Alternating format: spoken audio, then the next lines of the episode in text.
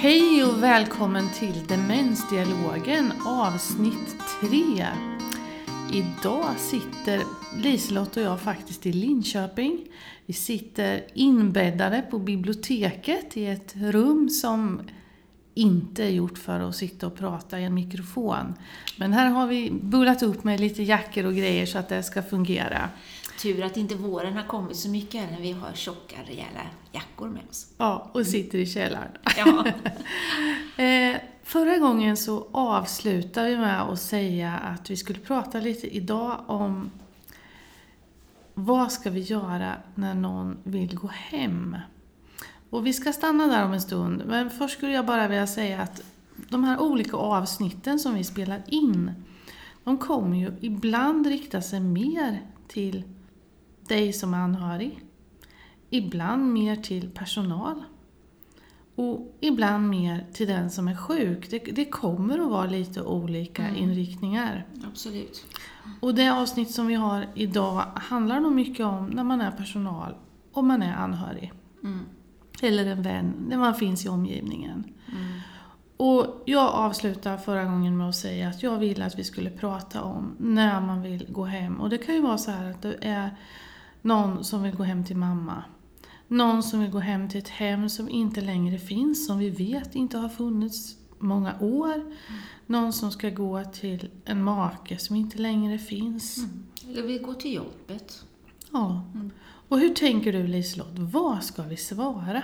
För den här frågan får jag ofta och jag gissar att du också får den ofta. Ja, absolut. Jag var senast på en eh, anhörigträff igår och vi pratade om det här då. Och om det fanns något enkelt svar på det så hade nog vi inte suttit här och pratat om det här. En, det första, tänker jag, är ju att försöka se lite bakom de här fraserna. Vad står det för? För det kan ju vara väldigt olika, tänker jag i alla fall. Eller jag skulle vilja säga min erfarenhet.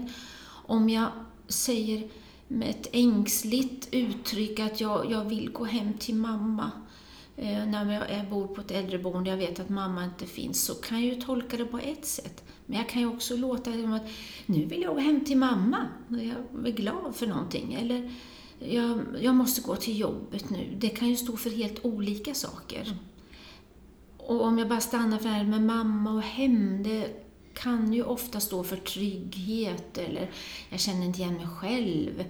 Eh, om jag vill gå till jobbet, det kan ju betyda att jag har inte så mycket att göra här, eller jag känner inte att jag är någon längre. Förstår du hur jag menar med de här olika, eller hur tänker du? Ja, men jag tänker då, om jag står och rycker i dörren, vilket händer när man bor på ett boende? Mm, Och där står jag och så ska jag ut för jag ska hem. mm. Vad gör du då?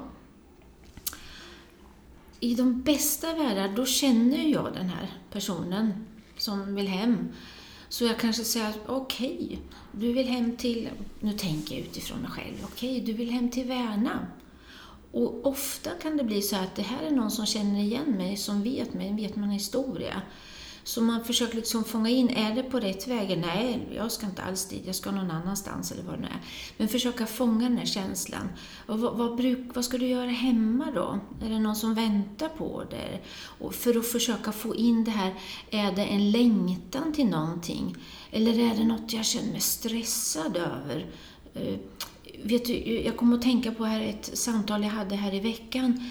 Eh, så var det någon som ofta, ofta frågade efter sin pappa.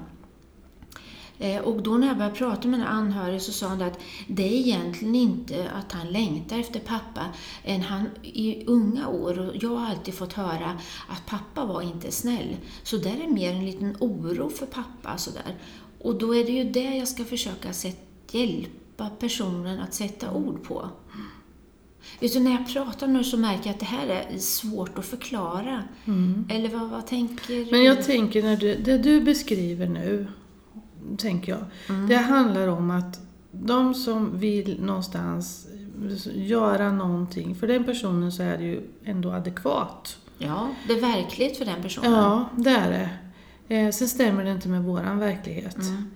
Men jag tänker att det handlar om en känsla väldigt mycket. Mm. Och, och det är kanske lättare att börja i den änden vad vi inte ska göra. Och det är att säga, nej men du bor här nu. Eller din mamma lever inte. Eller så här. För är jag helt uppfylld av att jag är på väg till den här personen eller jag är på väg till hemmet, då kan ju det bli fruktansvärt jobbigt att ta in just då. Mm. Och om man då får höra det gång på gång på gång, dag ut och dag in, liksom, så kan man ju få nya hemska besked. Det kan ju bli upplevelsen av det då. Mm. Det kan det bli. Men du, Kerstin, en, en grej som jag, i samband när jag säger det här nu också, så är det också ganska vanligt, eller jag kan tänka att vi har haft en historia av att vi ljuger ihop saker. Vi säger, ja men du, vet du, det är så kallt och ut nu, det är bättre du åker hem imorgon. Imorgon hjälper jag dig att åka hem till mamma. Eller jag kan ringa till mamma och säga att du kommer sen. Eller jag har ringt till henne och hon svarar inte. Kan du känna igen det? Mm, det kan jag känna igen. Och jag önskar att vi kommer ifrån det här med att vi ska ljuga. Varför Jag vet- önskar du det? Jag vet att det är jättesvårt.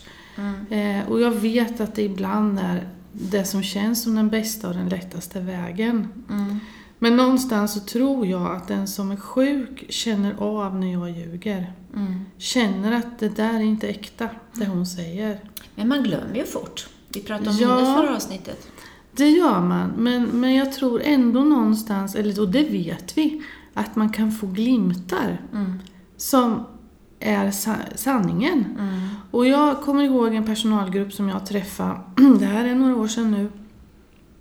Och den personalgruppen var en tjej som berättade att hon hade som strategi att när en kvinna kom och skulle hem till mannen på kvällen så talade man om för henne att man ringde till maken och hon blev rätt nöjd med det. Mm. Så det blev en ganska bra strategi tyckte man. Mm. Tills en kväll. Hon hade sagt det här som vanligt, att ja men vi ringer till din man. Och den här kvinnan hon blev ganska nöjd. Mm. Sen går det en kvart. Sen kommer hon tillbaka, spänner ögonen i den här personalen och säger Hur kunde du ringa min man? Han lever inte.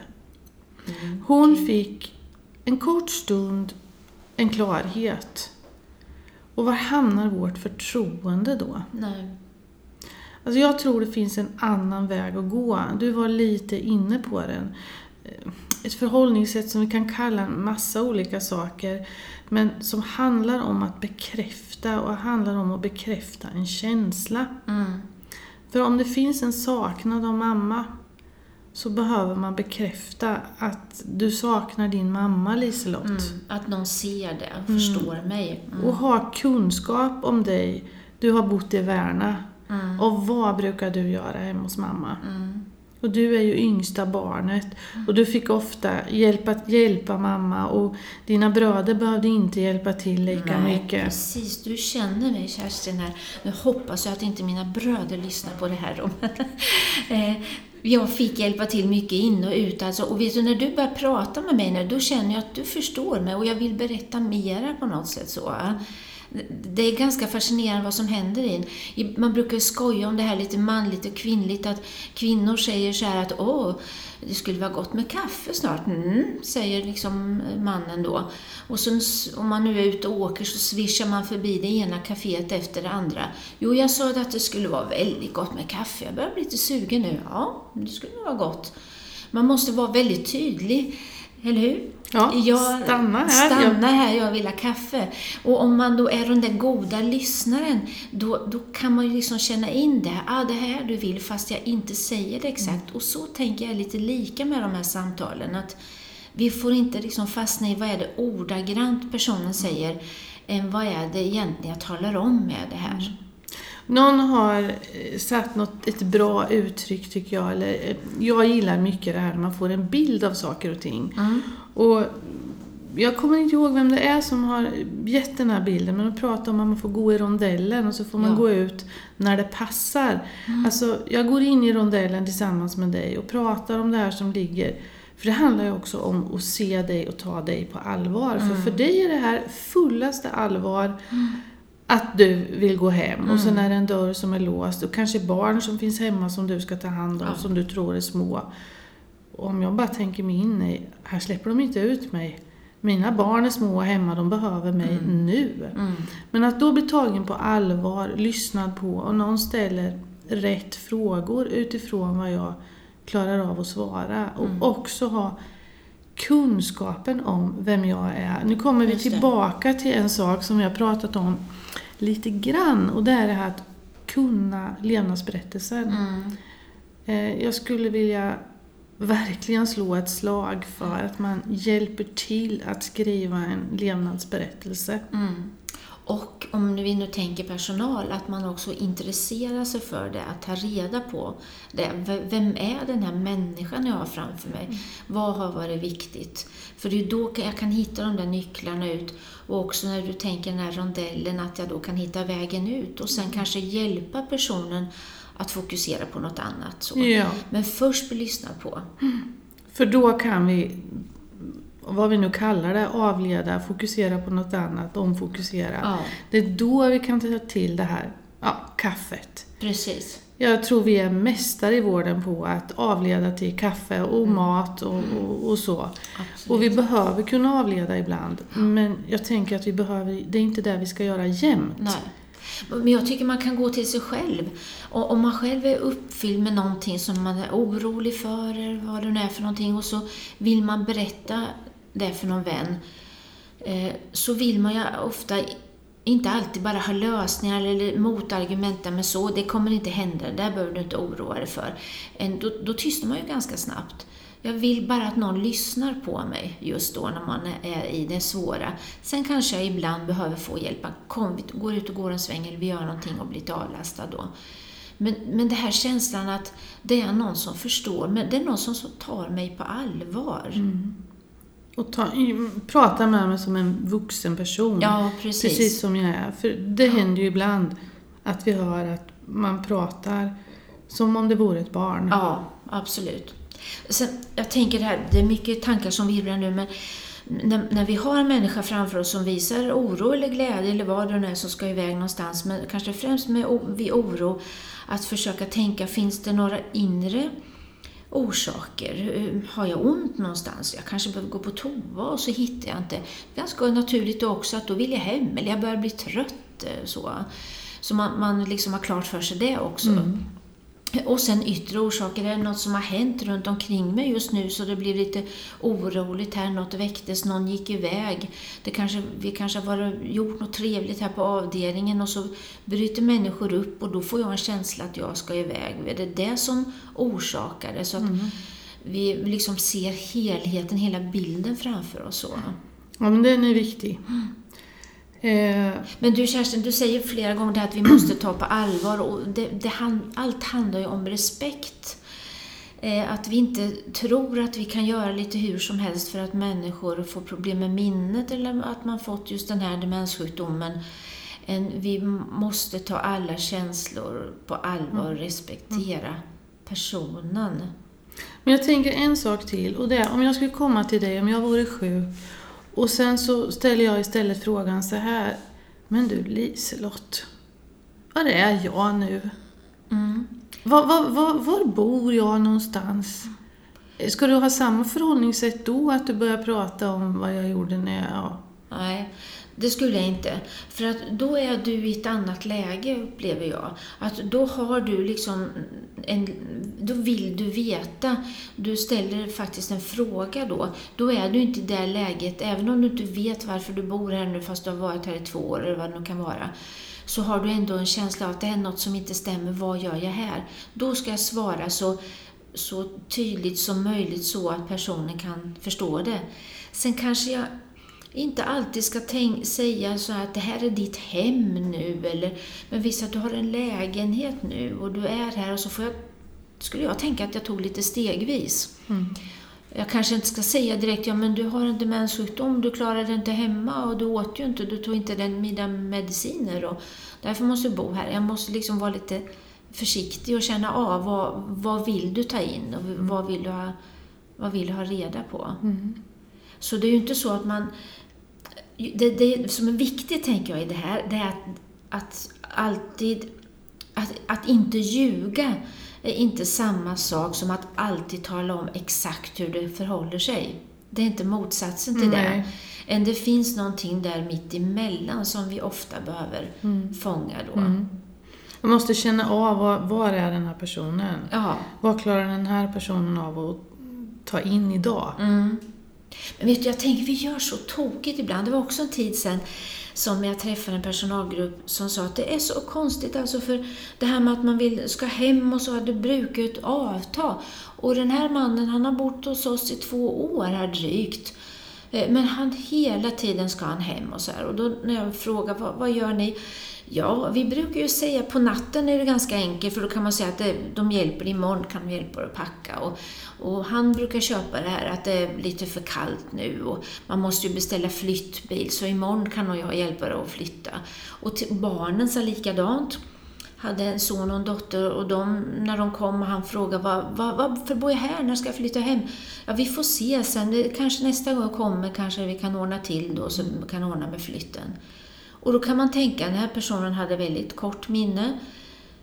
Men om man hela tiden under två års tid får höra sen ska du, imorgon ska du nog, jag hjälper dig att packa sen. Så precis som du var inne på, den känslan sätter sig ju kvar. Det är något jag ska få göra sen. Det blir en verklighet. Det blir en verklighet till slut. Fast man har svårt med minnet. Precis. Och då kommer vi till en annan sak också här. Om man tänker att en personalgrupp och anhöriga, att man måste bestämma sig för vad ska vi säga så vi säger ungefär likadant. Man behöver gå i samarbete. Absolut.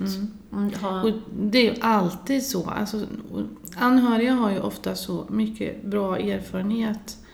Eh, De har provat en massa saker. Mm. Och det är så viktigt att vi får ta del av det som jobbar i vården. Så att de verkligen får dela med sig, att vi får den här livshistorien. Och jag bara tänker på hur fel det kan bli. Och det här, det här var en, en kvinna som, hon skulle gå hem när det blev kväll, efter kvällsmaten. Och så sa personalen, ja men de sa nog något om att de, eh, du bor här och det förstod hon inte riktigt. Men grejen var att när hon sa att hon skulle gå hem så menade hon sin lägenhet på boendet. Mhm. Fast ingen hade förstått det Nej. i början. Nej. Nej. Mm. Och så blev det en konflikt. Ja, så tokigt. Och så blir man jättestressad och ställd som personal då, vad man ska svara och inte så. Ja, och jag vet också någon gång eh, där kvinnan kallade mannen för pappa. Mm. Så när hon skulle gå hem till, eller när hon skulle till pappa så var ju inte det pappa sedan lång tid tillbaka utan det var ju maken. Och egentligen var det inte så att hon skulle gå hem till honom utan hon bara pratade med honom. Men det gäller ju att vi har koll på det här. Ja. Hur är man van att prata och vem benämner man med vad? Ja. Och, och vet, det, det här finns ju också en eh, missförstånd tycker jag mycket att många som har en demenssjukdom inte tänker och känner något själv. Mm.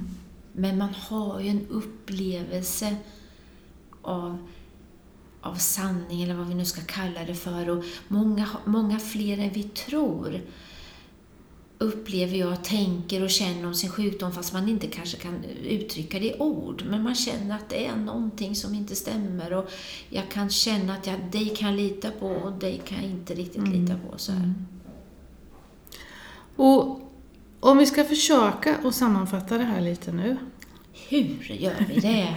Så, ja men jo, egentligen är det ju så här tänker jag, att vi har ju ett sätt avleda som är bra. Ibland. Mm. Men vi kan inte göra det jämt. Vi Nej, måste ha något annat att ta till också. vi kan inte alltid prata bort det. Nej, för jag blir inte trovärdig om jag alltid pratar bort det och alltid ska bara ska bjuda dig på kaffe. Om jag aldrig lyssnar på vad det egentligen du vill säga. Håller med. Mm. Säga sanningen. Ja, den ska vi göra när man frågar efter den tyckte jag det var du sa. Ja, håller du inte med eller? Jo, jag håller absolut med. Tur, ja. Men när någon inte vill ha sanningen, då är det ingen idé. Nej. För vad händer då? då? Ja, men då blir det en konflikt istället. Skulle Precis. inte jag veta var jag bor? Nej, precis. Till exempel. Mm. Och då tänker jag, och så ljuga har vi sagt att vi ska försöka undvika. Mm. Vi är många som kommer göra felet och göra det. Mm. Och ja, men då blev det så. Så får man tänka att ja, men nästa gång försöker jag göra på ett annat sätt. Mm. Men istället kan vi, om jag får kalla det för bekräfta, Mm. Och bekräfta känslan och bekräfta det som oroar dig istället. Mm. Och där är ju en konst att sätta sig in i vad är det för känslan du har? Det är inte min känsla som jag ska försöka överföra. En verkligen känna efter, är det med glädje jag vill, om vi nu säger gå hem? Eller är det med oro? Eller är det för att jag är tråkigt? Eller är det något annat behov jag har? Det är ju den här konsten att lära känna en människa och försöka förstå vad det är. Och vi ska se om vi inte kan lägga ut något på vårt Instagra- Instagramkonto igen. Ja, Omkring de här olika sätten som vi pratade om.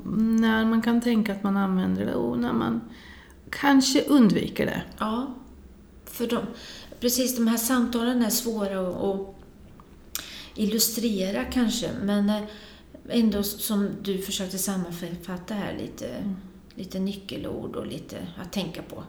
Vi brukar ju göra det nu, får vi se om vi Ja, lyckas vi- den här gången också. Vi gör det. Och vet du, nästa gång när vi ses, ja men vi måste ju prata något som har med demenssjukdom att göra. Men jag Ja. måste få prata om Japan då. Ja, du ska ju åka dit snart. Ja, Det blir Om jättespännande. två veckor så ska jag åka till Japan och jag ska få se också ett demensboende i Japan. Mm, det måste jag absolut få höra om. Likheter och olikheter kan man tänka sig. Ja, Gissar man. Vad spännande. ja. Kul. Ha det så bra nu Liselott och så hörs vi om en månad igen. Det gör vi. Ha det gott. Hej!